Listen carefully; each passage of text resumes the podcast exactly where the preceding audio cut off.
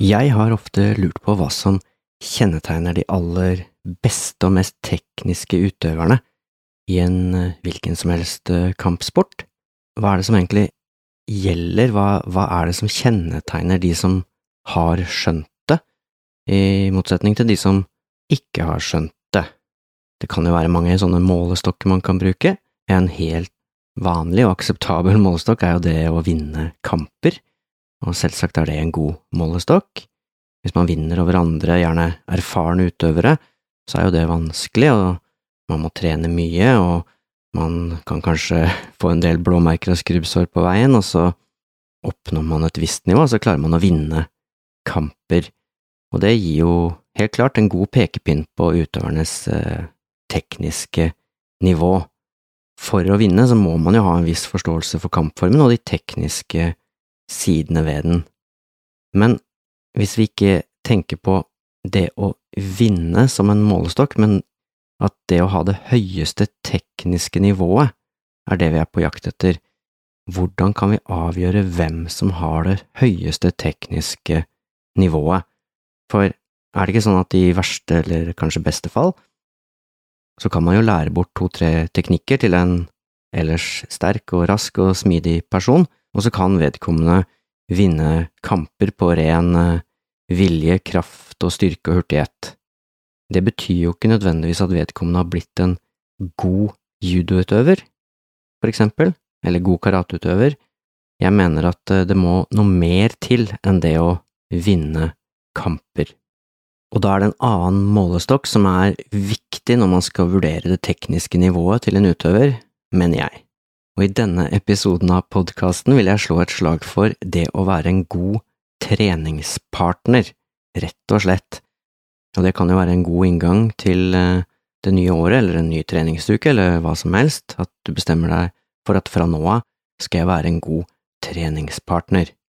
For det er jo sånn at i de fleste kampformer så må man ha noen å trene sammen med, og det er kanskje mulig å oppnå et visst teknisk nivå på egen hånd, men i praksis er det så å si umulig å lære seg teknikkene skikkelig uten å ha noen å bryne seg på.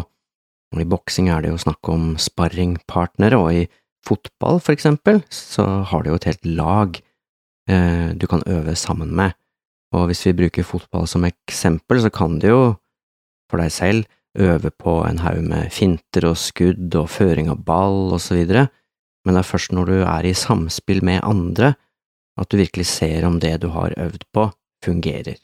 Men dette samspillet må være nettopp det, et samspill. Det nytter lite hvis de du trener med står rett opp og ned som kjegler og rundingsbøyer, da blir det ikke noe særlig kvalitet på treninga.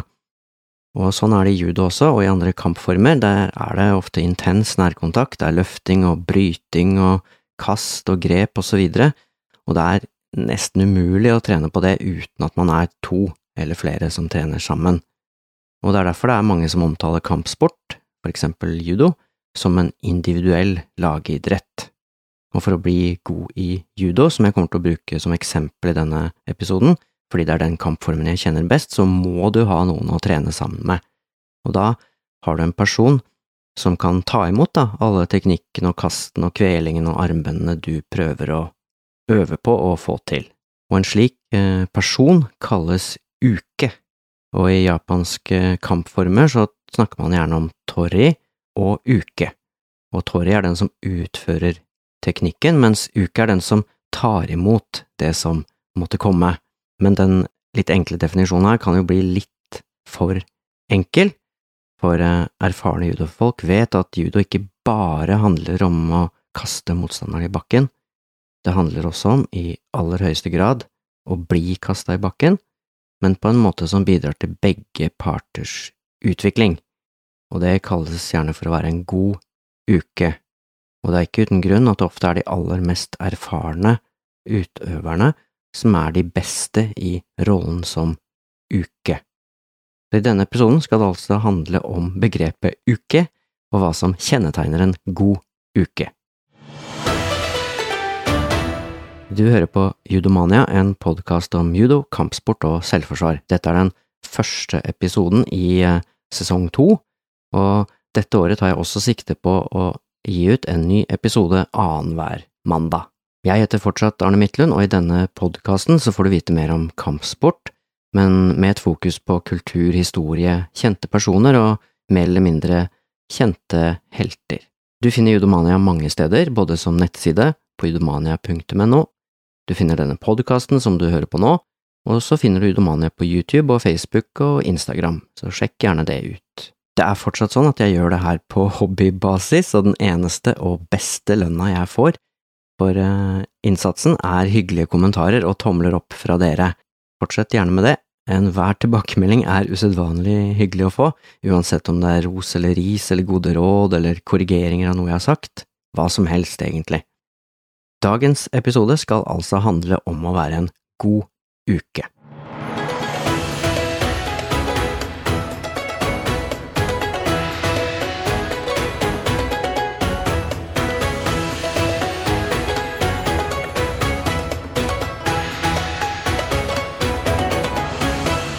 Og når man skal snakke om eh, begreper, eh, så syns jeg det kan være et godt utgangspunkt å gå etymologisk til verks, altså se på ordets opprinnelige betydning, og opprinnelig har eh, tegnet for uke med overføring av varer å gjøre, men i løpet av århundrer da, så har ordet uke endret noe innhold, og i våre dager så forstås ordet som å motta noe, og det japanske tegnet for uke er ment å forestille to hender, den ene hånden strekker seg nedover, mens den andre strekker seg oppover, og midt imellom der så er det tegnet for båt som er plassert. Hvis du vil ha et eh, skikkelig bilde av det, så har jeg lagt ut bilde bilder på nettsidene judomania.no. Og i dagligtalen så har uke flere betydninger, men det har to hovedbetydninger. For det første kan det bety å blokkere noe, som i å blokkere et uh, slag eller et spark, og i karate så er det for eksempel en hel haug med teknikker som inneholder ordet uke. Men om vi tenker på hva ordet opprinnelig betyr, eh, altså det å motta noe, så er det ikke snakk om å blokkere et slag eller et spark som en stiv stokk, da ender du jo bare opp med blåmerker og vonde armer og bein. Det er mer et spørsmål om å motta slaget og avlede energien, nesten sånn som man gjør i aikido. Og på nettsidene så har jeg også lagt ut en video hvor det er en karateutøver som demonstrerer akkurat det her. Uke kan også være betegnelsen på en person som mottar en teknikk, altså blir for eksempel kastet eh, på et hoftekast, og i judo så er det den betydningen som er den vanligste. Og her er det også viktig å se på ordets opprinnelige betydning, og det betyr at uke ikke bare passivt skal bli utsatt for teknikkene, men at uke da spiller en bestemt eh, rolle. Og noen av dere som hørte på den episoden som handler om fallteknikk, tenker kanskje at uke og ukemi, altså uke, det er eh, det ordet vi skal forklare i dag, og ukemi, det betyr fallteknikk, at de ligner litt på hverandre, og det gjør det jo, for det er eh, samme, de inneholder det samme tegnet. Så ukemi, som i dagligtale kalles fallteknikk, handler om at det er kroppen som mottar en teknikk, og i forlengelsen av det så dreier det seg om hvordan man best skal falle slik at man ikke skader seg. Og som sagt så er det en tidligere episode i Judomania podkast som heter Ukemi, så den kan du jo høre på om du ikke har gjort det allerede. Og i judo er da uke den som mottar en teknikk, i karate er den som blir angrepet UKT, det vil si hånden som mottar, i kendo så kalles den som angripes ukidachi, den som mottar sverdet.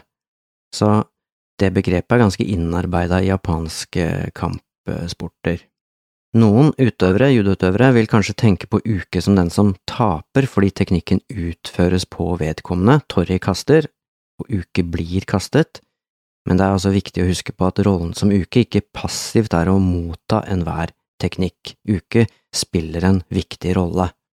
Og akkurat det kan det være lett å misforstå eller gå glipp av, det er ikke sånn at uke er den som taper, Riktignok er ikke Uke den som utfører den offensive teknikken, men Uke tar aktivt del i gjennomføringen av hele teknikken, og ideelt sett da, så skjer det på en måte som gjør at begge parter får et skikkelig treningsutbytte av situasjonen.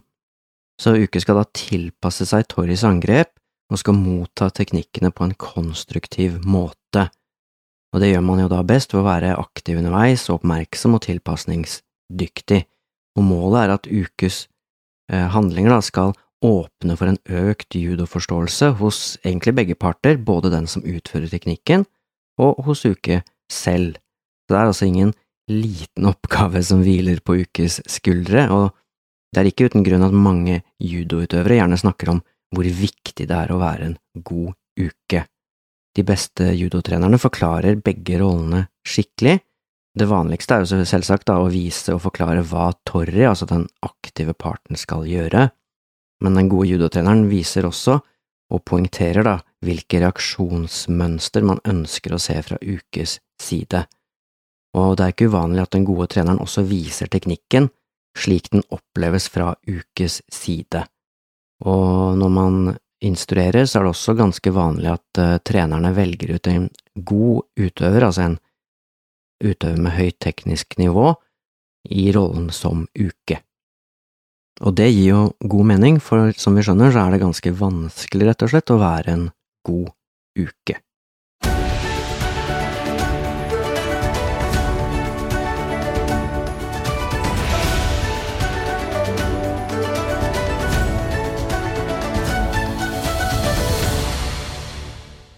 Et godt eksempel på denne rolleforståelsen, eksempel som jeg er veldig glad i, finnes i de fleste kataer, og japanske kampformer har stort sett kataer som en del av sitt pensum, og for dere som ikke husker det, så er kata et slags sett med forhåndsdefinerte teknikker og en slags koreografi der man skal demonstrere viktige prinsipper i kampsporten, og i det tilfellet jeg skal ta for meg nå, så er det snakk om judo, og da har utøverne bestemte roller og beveger seg altså på en nøye planlagt og koreografert måte.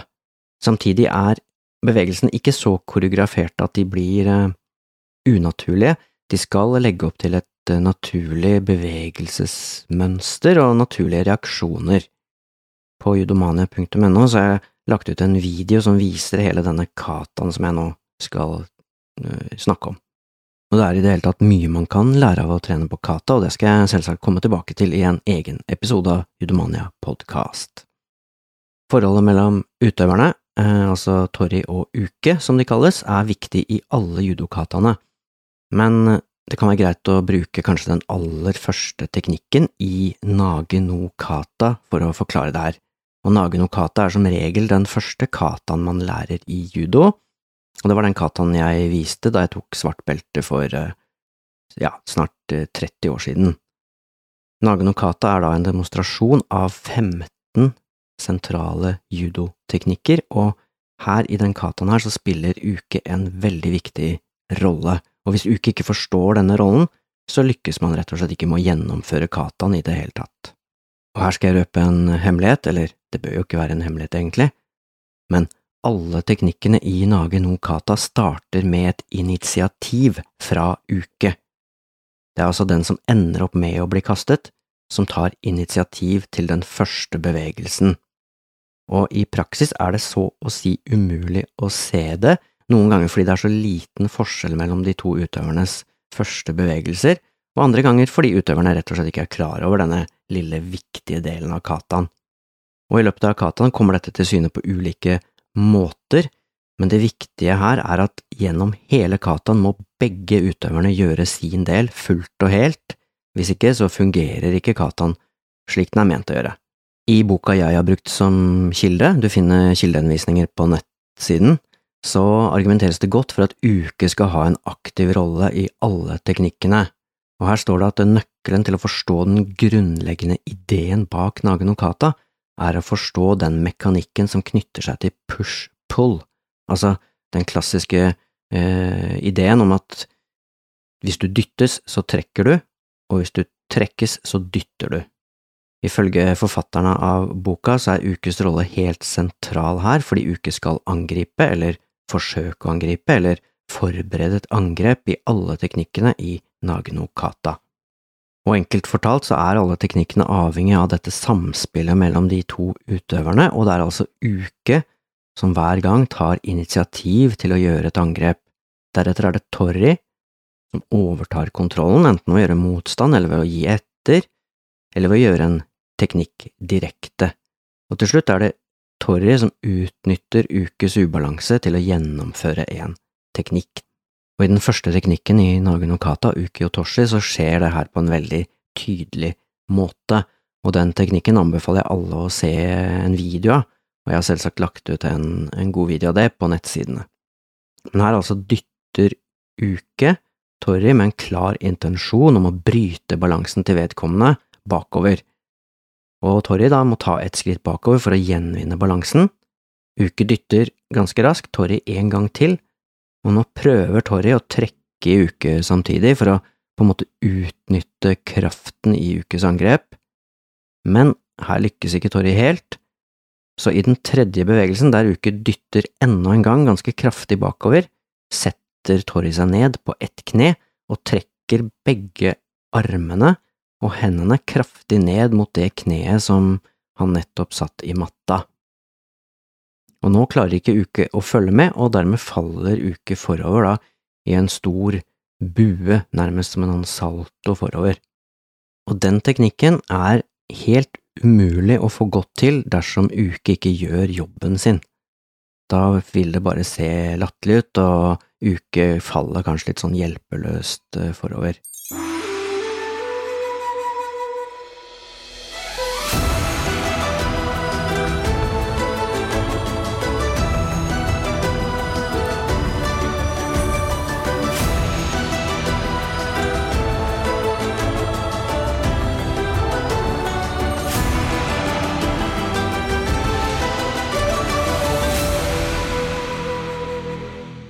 Så i en judokata, men også andre kataer der man er to utøvere sammen, er det altså en viktig del av dynamikken mellom utøverne at begge forholder seg til det her med aksjon, reaksjon, motreaksjon osv. Angrepene og initiativene bølger liksom fram og tilbake mellom utøverne, helt til Torry har full kontroll og kan sette inn en teknikk. Dette er jo veldig tydelig i en kampform som for eksempel aikido. Den ikke helt ukjente Bruce Lee, som ikke bare var skuespiller, men også en habil kampsportutøver og grunnleggeren av en helt egen kampform, mer om han i en senere episode, eh, sa det på den måten her. Man bør være i harmoni med, og ikke i opposisjon til, motstanderens styrke, og Bruce Lee utdyper dette videre og skriver at den sterkeste er den som bruker motstanderens styrke til egen fordel, vær som bambusplanten som bøyer seg med vinden, og som, når vinden roer seg, slår tilbake sterkere enn før. Og akkurat dette bambusbildet finnes jo i mange sammenhenger i kampformer, og jeg synes det er godt på mange plan. Det er faktisk så godt at jeg skrev en egen artikkel på judomania.no om nettopp bambus. Så her er det bare å gå inn på nettsiden og søke på ordet bambus, så finner du åtte ting judoutøvere kan lære av bambus.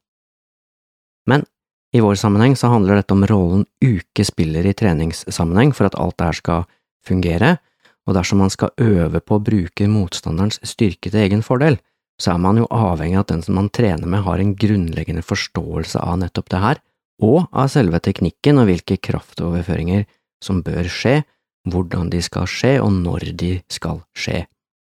Og uten denne grunnleggende forståelsen så blir jo hele teknikktreningen ganske vanskelig, da.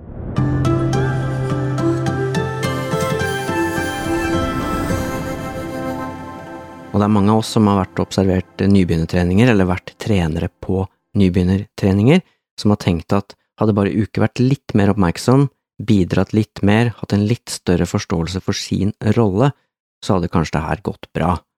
Og det er faktisk ikke så sjelden at man ser trenerne prøver å instruere Torry til å gjøre ditt og datt og forbedre det eller det eller det, når det egentlig er Uke som burde fått instruksjoner om hvordan hun eller han skal opptre, stå og bevege seg. I en dynamisk judokamp, enten det dreier seg om kamper på trening eller i konkurranse, eller i selvforsvar for den saks skyld, så vil som regel Torry og Uke bytte roller hele tiden, unntaket er selvsagt om man har fått tildelt en fast rolle av treneren sin.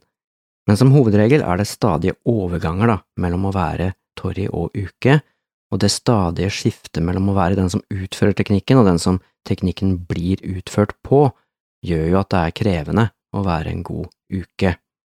Og det blir en tosidig rolle, da, der du på den ene siden skal utvikle dine egne teknikker, og på den andre siden skal du bidra til at din treningspartner utvikler sine teknikker. Men i sum så skal da begge utvikle seg. Og det kan jo nesten bli som en god diskusjon, der man legger fram argumenter og opplysninger på hver sin side, og i en god diskusjon så fører det kanskje til at begge parter lærer noe underveis. Men dersom den ene parten bare presser gjennom sitt syn, så vil jo ingen lære noe, og minst én av deltakerne vil kanskje forlate samtalen med en dårlig følelse. Så den dynamiske rollen en god uke skal ha, kan absolutt ha overføringsverdi til andre områder i livet enn til det som kun har med trening å gjøre. Og det er jo helt i tråd med judoens intensjon, nemlig at man skal være en god samfunnsborger, og hva er vel mer samfunnsnyttig enn å bidra til å videreutvikle ideer ved å være en god samtalepartner. Så om du ikke har noen nyttårsforsetter eller ikke har noen ideer til hva du kan gjøre bedre i din kampform det kommende året, så kan det jo være en god idé å satse på å være en god uke.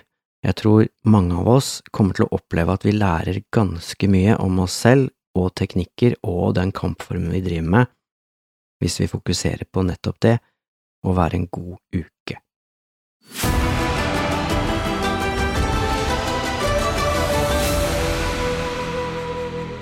Kom gjerne med dine egne tanker om dette. Det er haugevis av steder og måter du kan komme med innspill og kommentarer på. Eh, prøv for eksempel nettsida judomania.no podkast og trykk på den blå knappen. Det kan være gøy. Men det er det på tide å avrunde denne episoden. Likte du det du hørte? Tips gjerne andre om Judomania, både nettsiden og podkasten. Det var alt for denne gangen. Takk for at du hørte på. Ha det bra.